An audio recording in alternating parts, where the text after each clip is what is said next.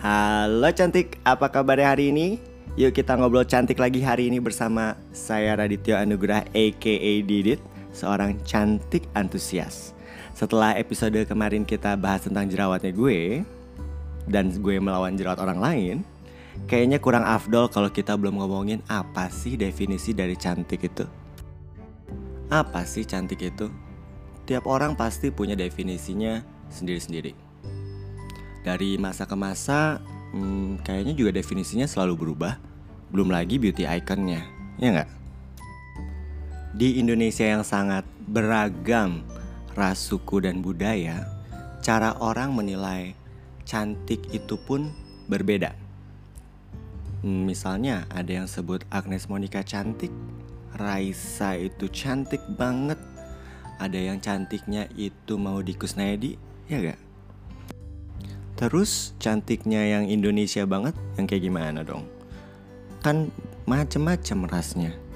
Ada yang ke Arab-Araban kayak Tasya Farasya, cantik loh. Terus yang agak oriental kayak Sandra Dewi atau yang berdarah Indonesia Timur contohnya Karina Nadila si Miss Supranasional Indonesia. Nah, feature yang ditawarkan dari wajahnya pun kan gak ada yang sama. Sekarang kita bahas dari yang paling dangkal dulu deh secara fisik sebagian besar pria Indonesia menilai bahwa perempuan yang cantik adalah perempuan yang putih, mulus, mancung, mukanya oval, kemudian berambut hitam, langsing, tapi montok di tempat yang tepat. Loh kok, loh kok, si Didit ini nyebut definisi cantiknya pria. Kalau definisi cantik cantiknya dari perempuan itu sendiri itu apa?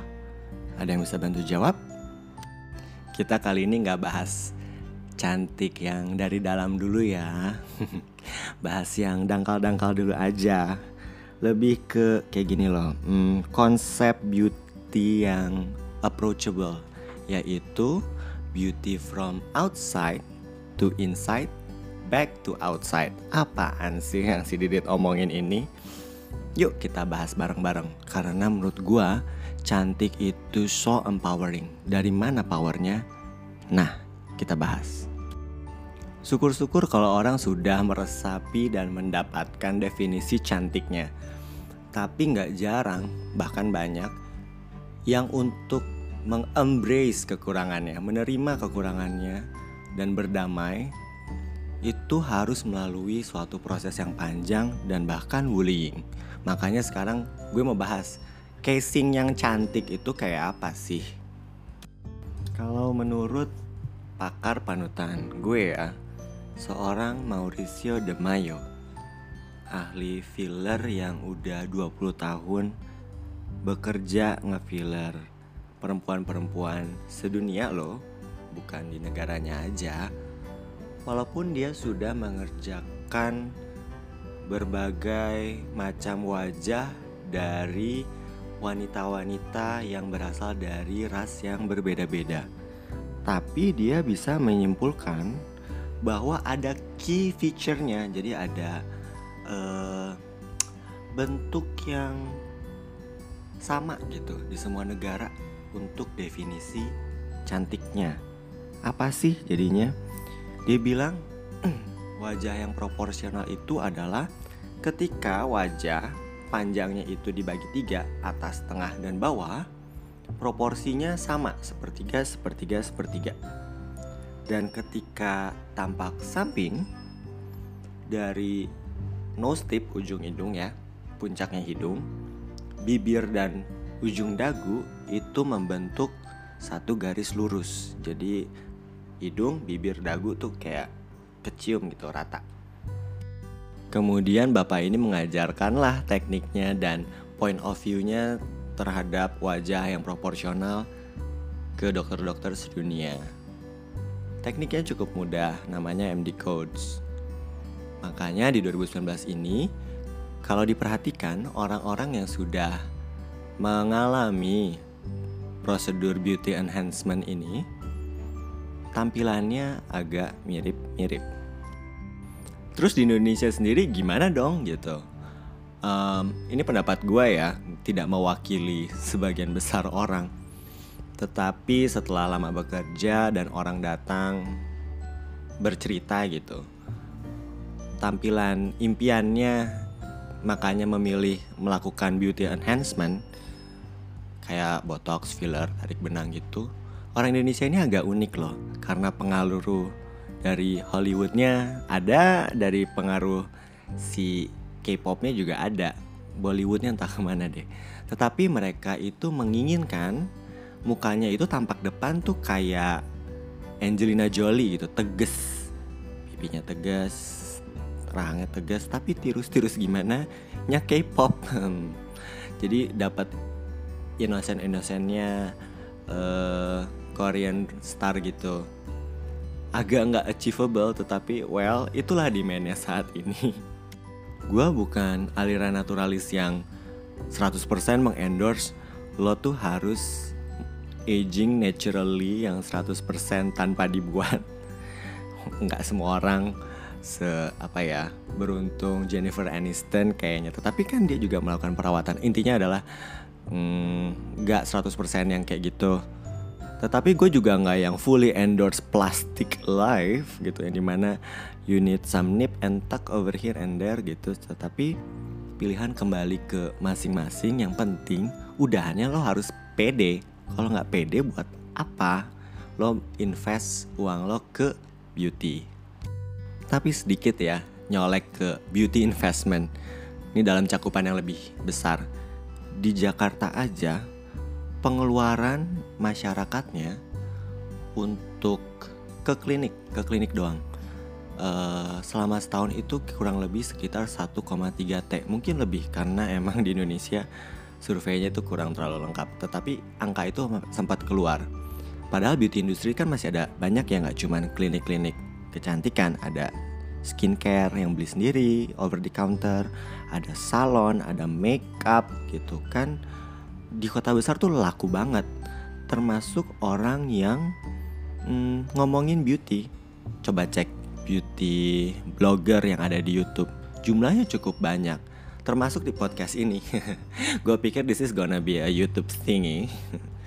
Tapi podcast gue ini lumayan listenernya jadi memang uh, antusiasnya ini si cantik antusias ini lumayan banyak populasinya. Dan gak bisa dipungkiri lagi perannya sosmed zaman sekarang terhadap cantik-cantik antusias di luar sana. Dan yang paling utama adalah selfie dan filter-filternya membuat hal-hal yang dulunya itu tabu, dianggap tabu, sekarang tuh menjadi sesuatu yang di endorse gitu. Ya si beauty enhancement ini, coba zaman dulu boro-boro orang mau ngaku dia melakukan operasi plastik, apalagi botox dan filler. Mereka itu cantiknya natural gitu. Padahal mah. Tapi sekarang orang sudah mulai mengakui dan dipasang di sosial media sehingga um, mempengaruhi orang-orang lain bahwa Well, I think I can achieve that kind of look. Jadi tampilan itu kayaknya bisa gue capai. Nah, terus apa dong definisi cantiknya si Didit ini gitu? Menurut gue, cantik itu harus sehat. Sehat. Catat. Berkulit cerah, nggak mesti putih. Bertekstur halus, warnanya rata, dan pede. PD-nya kita bahas nanti aja. Tapi itu definisi gue. Jadi yang pengen gue endorse dan tekankan dari ngoceh-ngoceh panjang kali lebar ini adalah kekurangan lo itu yang bikin lo tuh seorang manusia. Jadi embrace dan berdamailah dengan itu. Tapi saran gue sih satu, cantik itu kan tadi gue bilang harus sehat. Maka hal-hal yang masuk kategorinya penyakit, contohnya jerawat, flag termasuk obesitas ya. Karena menurut gue obesitas itu termasuk penyakit yang morbiditasnya lumayan. Nah kondisi-kondisi ini menurut gue harus diimprove atau diberesin. Ya nggak? Belum lagi sebuah penyakit mental yang bernama body dysmorphic disorder nah kalau misalnya punya penyakit di badannya ya udah cari ahlinya yang bisa beresin. Nah, oleh karena itu, gue sebut cantik ini adalah suatu bentuk dedikasi. Ya nggak? dedikasi udah bagus berarti lifestyle-nya udah oke okay, olahraganya makannya dijaga kulitnya dirawat entah apa pun caranya sehingga cantik merupakan suatu outcome dari lifestyle yang bagus. Nah, kalau cantiknya udah dapet, resapi, kemudian pancarkanlah gitu. si cantiknya ini sehingga ini yang gue sebut sebagai beauty from outside to inside back to outside. Jadi cantik kalau udah dapet cantiknya dijaga dan dirawat ya. Terus satu lagi, kita ini yang menentukan bagaimana kita akan tampil di hari tua nanti. Caranya gimana? Kembali ke si pemilik kecantikan ini. Cukup sekian cantik ngobrol cantiknya hari ini. Kalau ada pesan, kesan, dan saran, boleh lo di DM di Instagram kali ya, at Raditya Anugrah. Kemudian gimana nih pendapat kalian soal topik kita hari ini? Kan biasanya gue ngomong cuma 10 menit 10 menit, nah sekarang kayaknya agak panjang. Kasih tau dong please Jangan lupa kasih bintang 5 di mana pun kalian dengarkan podcast ini Ada di Spotify, Podcast, kemudian Breaker, Anchor, dan Apple iTunes. Nah, me signing out and bye-bye.